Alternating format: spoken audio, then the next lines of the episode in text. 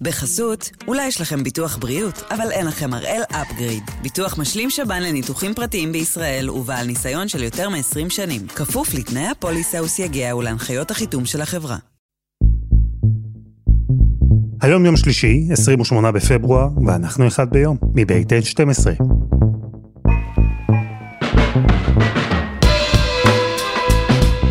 אני אלעד שמחיוף, ואנחנו כאן כדי להבין טוב יותר מה קורה סביבנו, סיפור אחד ביום, בכל יום.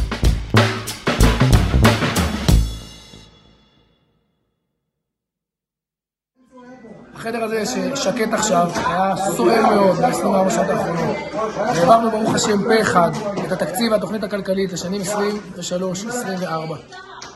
אם לזה שר האוצר קורא שקט, אז אפשר רק לדמיין מה הלך שם קודם. מה הייתה עוצמת הרעש, כשבחדר הזה, החדר שבו נערכת ישיבת הממשלה, כששם התבקשו השרים להצביע על תקציב המדינה לשנתיים הבאות. ותקציב זו מילה גדולה. בטח בהקשר של מדינה. אבל בסוף, בתוך החוברות, הטבלאות, מאחורי המספרים, נמצאות הרי התוכניות והצעדים שירכיבו את החיים של כולנו בישראל. אז הפעם, אנחנו עם תקציב 2023-2024, עם מה שנמצא בתוכו, עם מה שנשאר בחוץ, וגם עם האופן החריג שבו הממשלה אישרה אותו.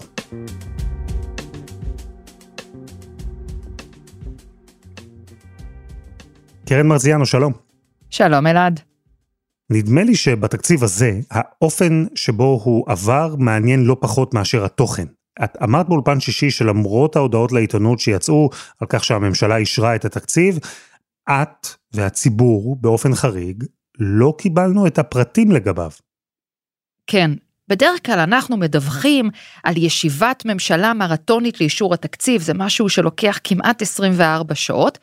וכשאתה שומע ישיבת ממשלה, אז מה אתה מדמיין? אתה מדמיין את ראש הממשלה ואת כל השרים יושבים עם אנשי האוצר ושומעים סקירות ועוברים אחד אחד על סעיפי התקציב. בפועל זה לא ממש ככה, יושבים מעט יחסית זמן בתוך המליאה המרכזית, והאקשן האמיתי קורה מסביב בחדרים הצדדיים. כל שר תופס לו איזה פקיד אה, מאגף תקציבים, ויחד הם מנסים להגיע לדיל שאחריו אותו שר יצביע בעד התקציב. זה מה שקורה כל שנה. מה קרה השנה הזאת? השנה התחילו את הדיון על התקציב בסביבות השעה 12 בצהריים ביום חמישי, ואז הישיבה התפזרה בשלוש לפנות בוקר ביום אה, שישי מבלי שהיו הסכמות. היו עדיין הרבה מאוד שרים שאיימו להצביע נגד התקציב ולא הגיעו איתם להסכמות על תקציבי המשרדים שלהם. התפזרו בשלוש לפנות בוקר, קבעו שמחדשים שוב את הישיבה בסביבות השעה 9-10 בבוקר ביום שישי. חידשו את הישיבה, ואז עד בערך השעה 12 היה נדמה שלא בטוח שיצביעו על התקציב, כי יש עדיין חוסר הסכמה מאוד גדול עם חלק גדול מהשרים. ואז פתאום, בשעה אחת, היה מהפך. פתאום הגיעו להסכמות עם רוב השרים על התקציבים של המשרדים שלהם. אחר כך התכנסו להצבעה, שהיא הצבעה יחסית קצרה של פחות משעה, באיזשהו שלב גם היועץ המשפטי של האוצר אמר להם, רגע חבר'ה חכו, אי אפשר להצביע רק פעם או פעמיים, צריך להצביע על אה, סעיפים ממש, על כל סעיף בנפרד.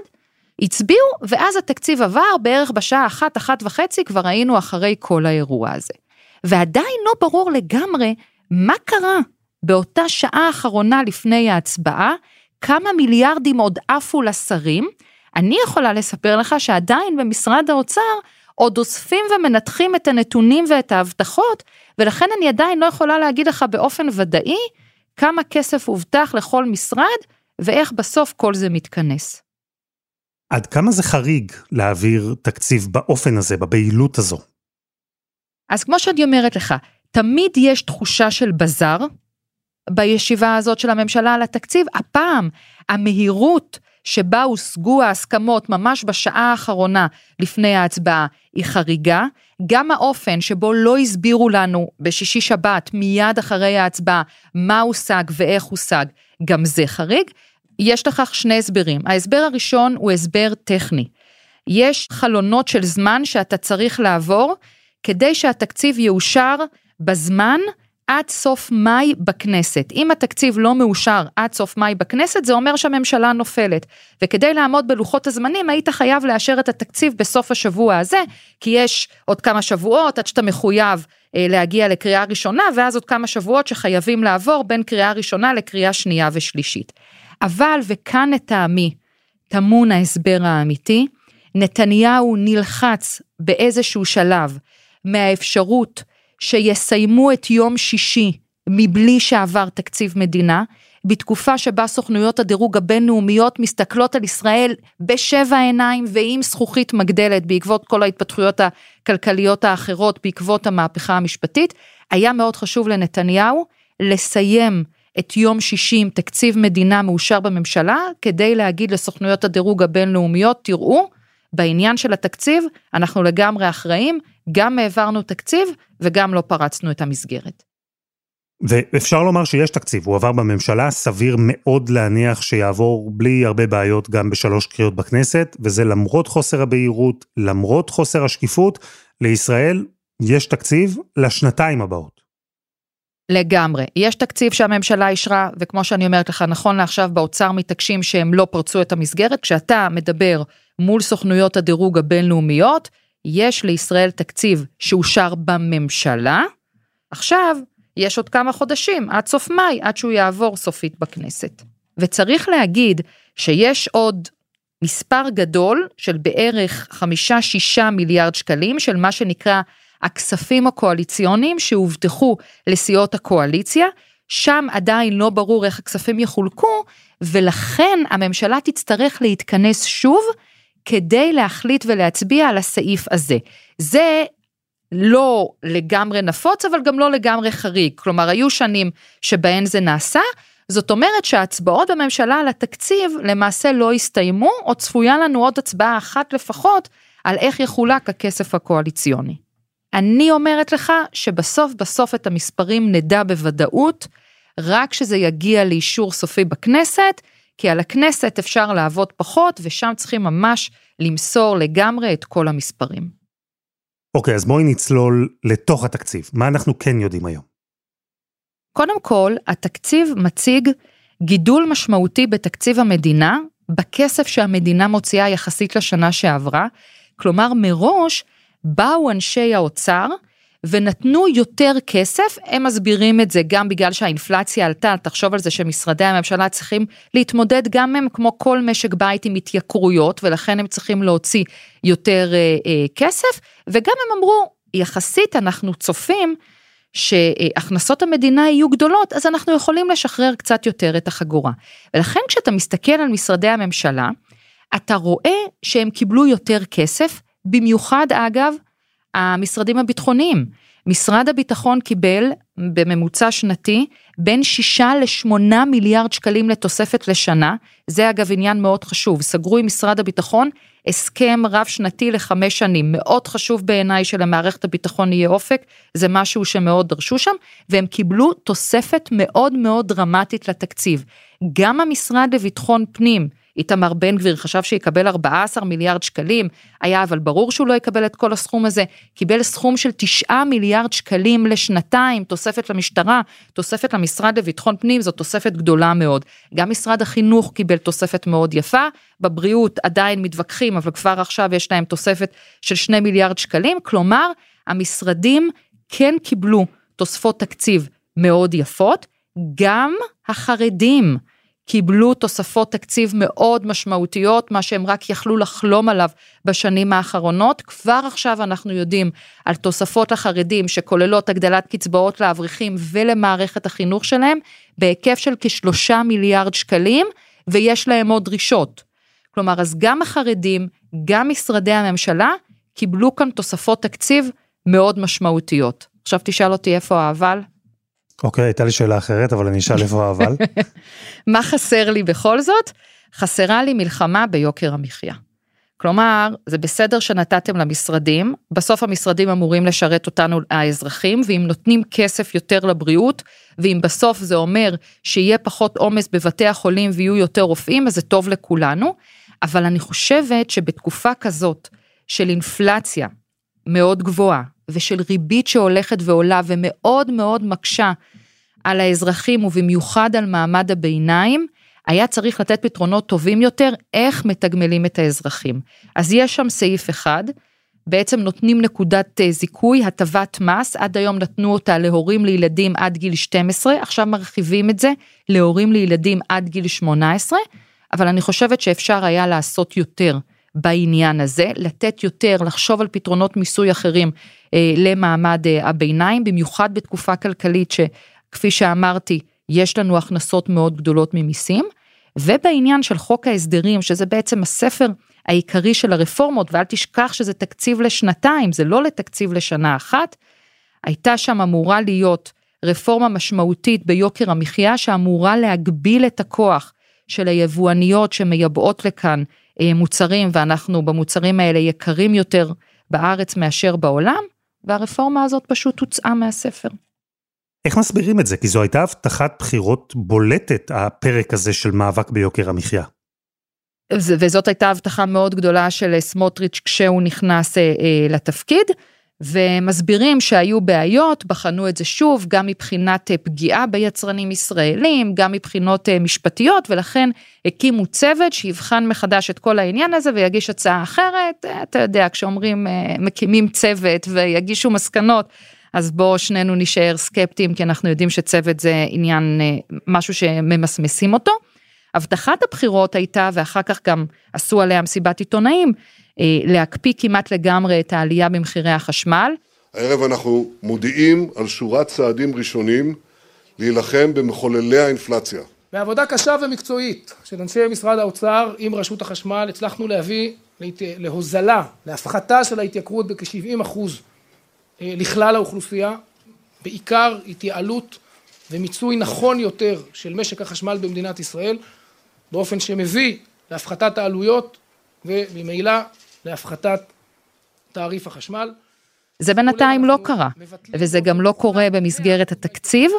יכול להיות שבעניין הזה אגב, יש מזל מאוד גדול לסמוטריץ' ונתניהו, יכול להיות שזה יקרה ותהיה איזושהי ירידה במחירי החשמל בחודשים הקרובים, כי מחירי הפחם מאוד ירדו בעולם, ויכול להיות שבעקבות כך תעריפי החשמל יעודכנו כלפי מטה, אבל שוב, לא בגלל פעולה שלהם, זה היה קורה בכל מקרה. אז אני רוצה רגע לצלול לעוד כמה דברים. הזכרת את הסיכום בין האוצר לבין משרד הביטחון על תוכנית חומש, על תקציב. זה כאילו עבר הפעם חלק ובשקט ובלי איומים ובלי מלחמות, ככה לפחות לתחושתי.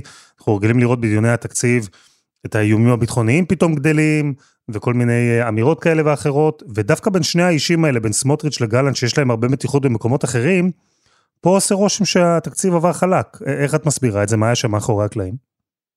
פשוט משרד הביטחון קיבל הרבה מאוד כסף. אז לא היה לו אה, על מה לריב ועל מה להציג תרחישי אימה ביטחוניים. היה ברור מלכתחילה, ואת זה גם נתניהו דאג להעביר אה, מסר לראשי מערכת הביטחון, שהפעם הם יקבלו תוספת תקציב משמעותית מאוד. אגב, יש גרסה שאומרת שגם סמוטריץ' העדיף לשלם בכסף מצ... ביד אחת וביד השנייה לקבל יותר סמכויות במשרד הביטחון, הרי יש לנו כאן מצב שהוא מצב תקדימי, שר אוצר שהוא גם שר במשרד הביטחון, עם אה, אה, סמכויות שהוא קיבל בעניינים הביטחוניים באיו"ש, אבל אני, לא ראית כאן את המלחמה, פשוט כי מערכת הביטחון קיבלה הרבה מאוד כסף, כמעט את כל הכסף שהיא רצתה. חינוך חינם מגיל שנתיים, גם הבטחת בחירות, זה נכנס? אה, נכון, שכחנו מזה. קודם כל, הבטחת הבחירות... זה כבר לא רלוונטי. קודם כל, הבטחת הבחירות הייתה חינוך חינם מ-0 עד 3. ואז זה גם מסוג הדברים שנסגרו בשעה האחרונה הזאת שדיברנו עליה, בשעה האחרונה שלפני ההצבעה בממשלה, וראש הממשלה בדברי הסיכום שלו אומר, אנחנו סיכמנו על חינוך חינם, אבל מגיל שנתיים, כלומר לא מ-0 עד 3, וזה גם כפוף להסכמות והבנות בין האוצר לבין משרד החינוך. בוא אני אפרש לך מה זה אומר. משרד האוצר התנגד בתוקף לעניין הזה. חשב שזה לא נכון כלכלית לעשות את זה, שזה עולה הרבה כסף, עלות תקציבית מאוד כבדה, שיש פתרונות אחרים שהם יותר טובים, והתנגד בכלל לכל העניין 0 עד 3. ראש הממשלה בא מצד שני ואמר, זאת אחת מהבטחות הבחירות המשמעותיות שלי, אני לא יכול שלא ליישם אותה. לכן החליטו על יישום מדורג על חינוך חינם מגיל שנתיים. אבל גם את החינוך חינם מגיל שנתיים זה לטעמי לא מתוקצב לגמרי, האוצר בערך שריין איזה מיליארד שקלים אחרי הסיכום הזה, לדעתי זה עולה יותר, אז אני לא יודעת עד כמה יישמו את זה מיד בשנה הבאה. כלומר, זה יתחיל להיות מיושם בספטמבר. האם זה ייושם לכל הילדים בגיל שנתיים? אני בספק גדול. כשיהיה מתווה מסודר, מבטיחה לך שנעשה על זה פודקאסט נוסף, עד שאין מתווה מסודר, זה בינתיים מבחינתי מה שנקרא הבטחה על הקרח. תוכנית החומש לחברה הערבית, שבנט אחר כך כתב עליה, זה הבלוף הכי גדול, כי הנה, יצאתם נגדי כשאני הייתי ראש ממשלה, ועכשיו לא ביטלתם את, את התוכנית. מי צודק, איפה זה עומד, איך התקבלו ההחלטות? פשוט לא התקבלו החלטות, כלומר, כשאני התקשרתי למשרד האוצר, אחרי שבנט פרסם את הפוסט שלו, אני הלכתי ובדקתי את העניין הזה, ואמרו לי במשרד האוצר דבר מאוד פשוט. לא הוגשה שום בקשה לבטל את תוכנית החומש, ולכן התוכנית הזאת ממשיכה כרגיל, כלומר, הכסף שניתן בזמנו של בנט ימשיך להינתן גם בממשלה הזאת, ממשלת נתניהו, לא יהיה שום שינוי, כך שכל הדברים שאמרו על בנט, שהוא נתן 53 מיליארד שקלים לאחים המוסלמים, וזה היה שוחד בחירות, זה כמובן פייק גדול, בעניין הזה בנט צודק, מה שהוא נתן לערביי ישראל, גם ממשלת נתניהו תמשיך ותיתן לערביי ישראל באותו מתווה של תוכנית החומש.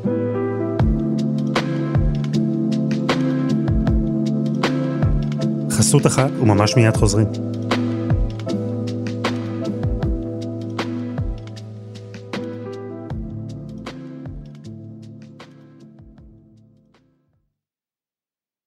בחסות, אולי יש לכם ביטוח בריאות, אבל אין לכם הראל אפגריד. ביטוח משלים שב"ן לניתוחים פרטיים בישראל ובעל ניסיון של יותר מ-20 שנים. כפוף לתנאי הפוליסה וסייגיה ולהנחיות החיתום של החברה.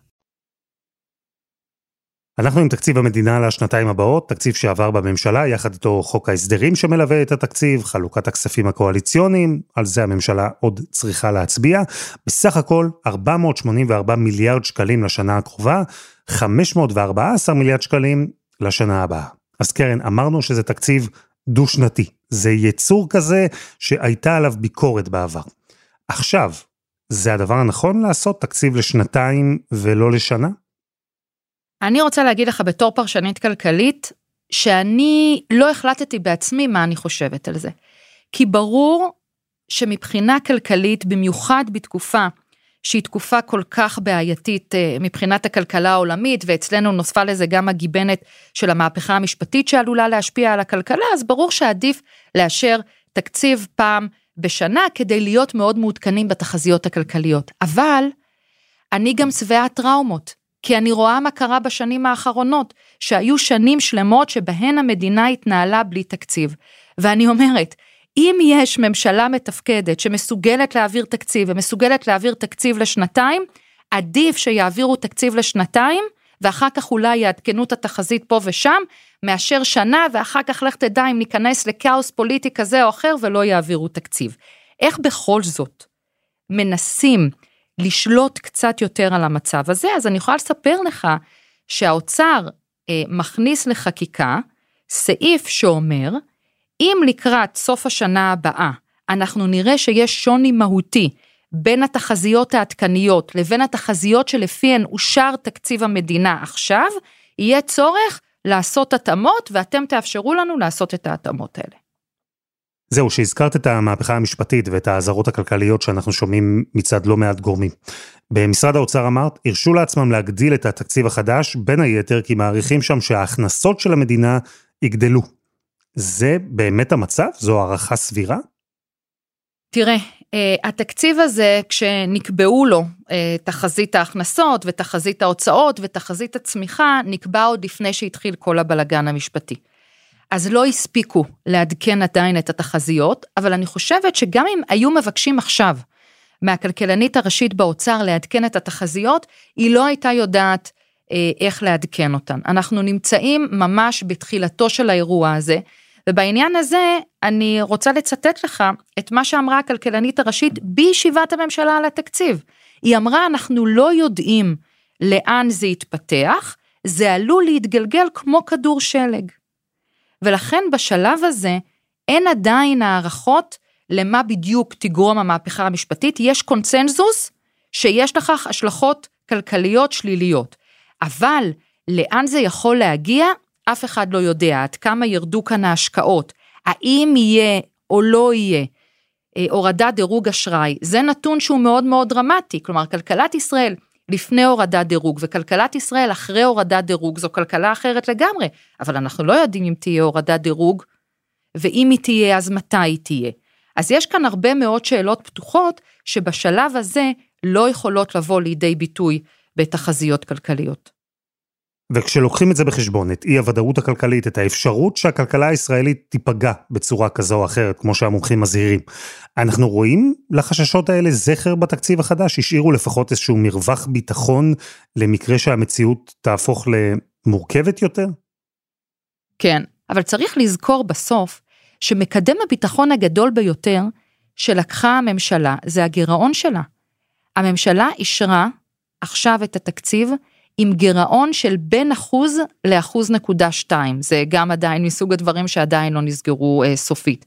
מבחינת השוואה עולמית, גם למדינות אחרות, וגם לשנים אחרות, לתקציבים אחרים, זה תקציב שהוא ממש ממש נמוך. אני לא זוכרת כמי שמסקרת את ענייני התקציב, מתי לאחרונה סיקרתי גירעון כל כך נמוך. כלומר, שולי הביטחון מבחינת התקציב, הם כן שולי ביטחון מאוד מאוד אה, אה, מרשימים שלקחה הממשלה, זה גירעון בשיעור מרשים לכל הדעות. וחוץ מזה, אם חס וחלילה תהיה כאן קטסטרופה כלכלית, תמיד הממשלה יכולה לבוא ולהחליט על קיצוץ בתקציב, על פלט, גם לא במסגרת דיוני התקציב הרגילים. אז הגירעון, כלומר החוב של ישראל הוא קטן, התקציב גדל, וכרגע ההערכה היא שיהיה גידול גם בהכנסות. וגם אם תהיה פגיעה בכלכלה, יש שולי ביטחון. אפשר לקצץ או להעלות קצת את הגירעון, אלו אפשרויות שלא יפגעו מאוד בתכנון שעשו במשרד האוצר. זה נשמע לי בסך הכל שישראל במצב ממש טוב. תראה, אנחנו מדברים כאן על משק שצומח בשיעור גבוה יחסית לעולם, למרות האינפלציה ולמרות העלאות הריבית.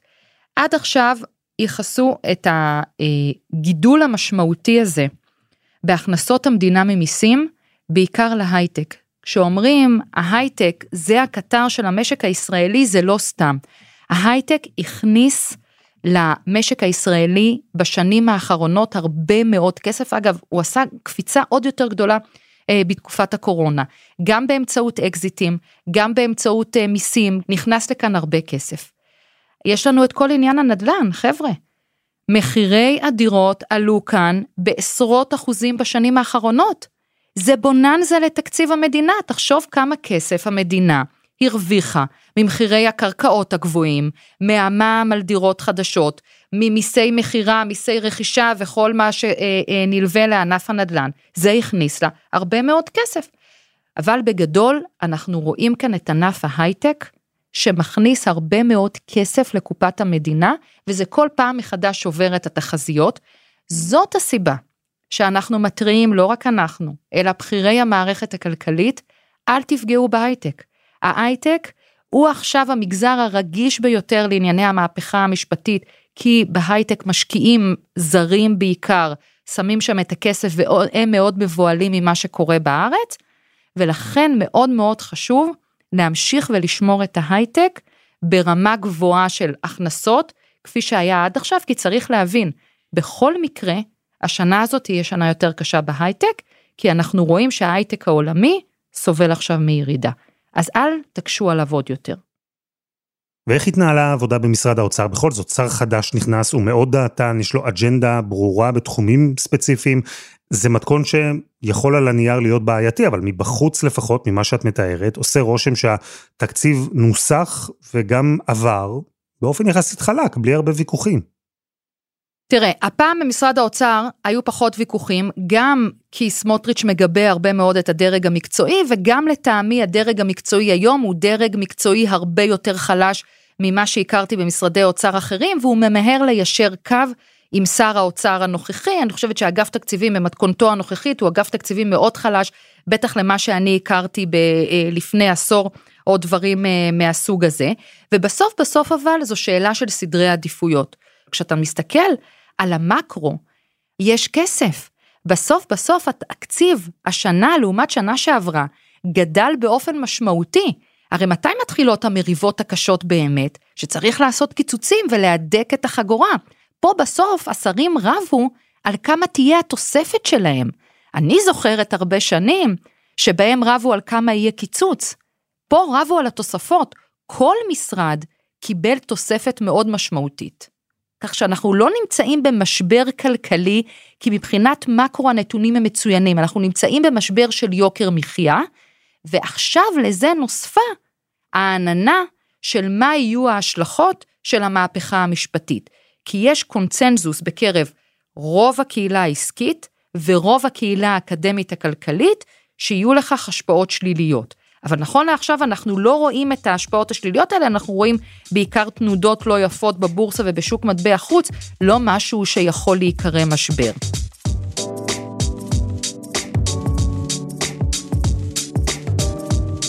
קרן מרציאנו, תודה. תודה, אלעד. וזה היה אחד ביום של N12. אנחנו מחכים לכם בפייסבוק, חפשו אחד ביום, הפודקאסט היומי. העורך שלנו רום אטיק, תחקיר והפקה דני נודלמן, עדי חצרוני ורוני ארניב. תודה לטופז אלרן על הסיוע. על הסאונד יאיר בשן שגם יצר את מוזיקת הפתיחה שלנו, ואני אלעד שמחה יוף. אנחנו נהיה כאן גם מחר.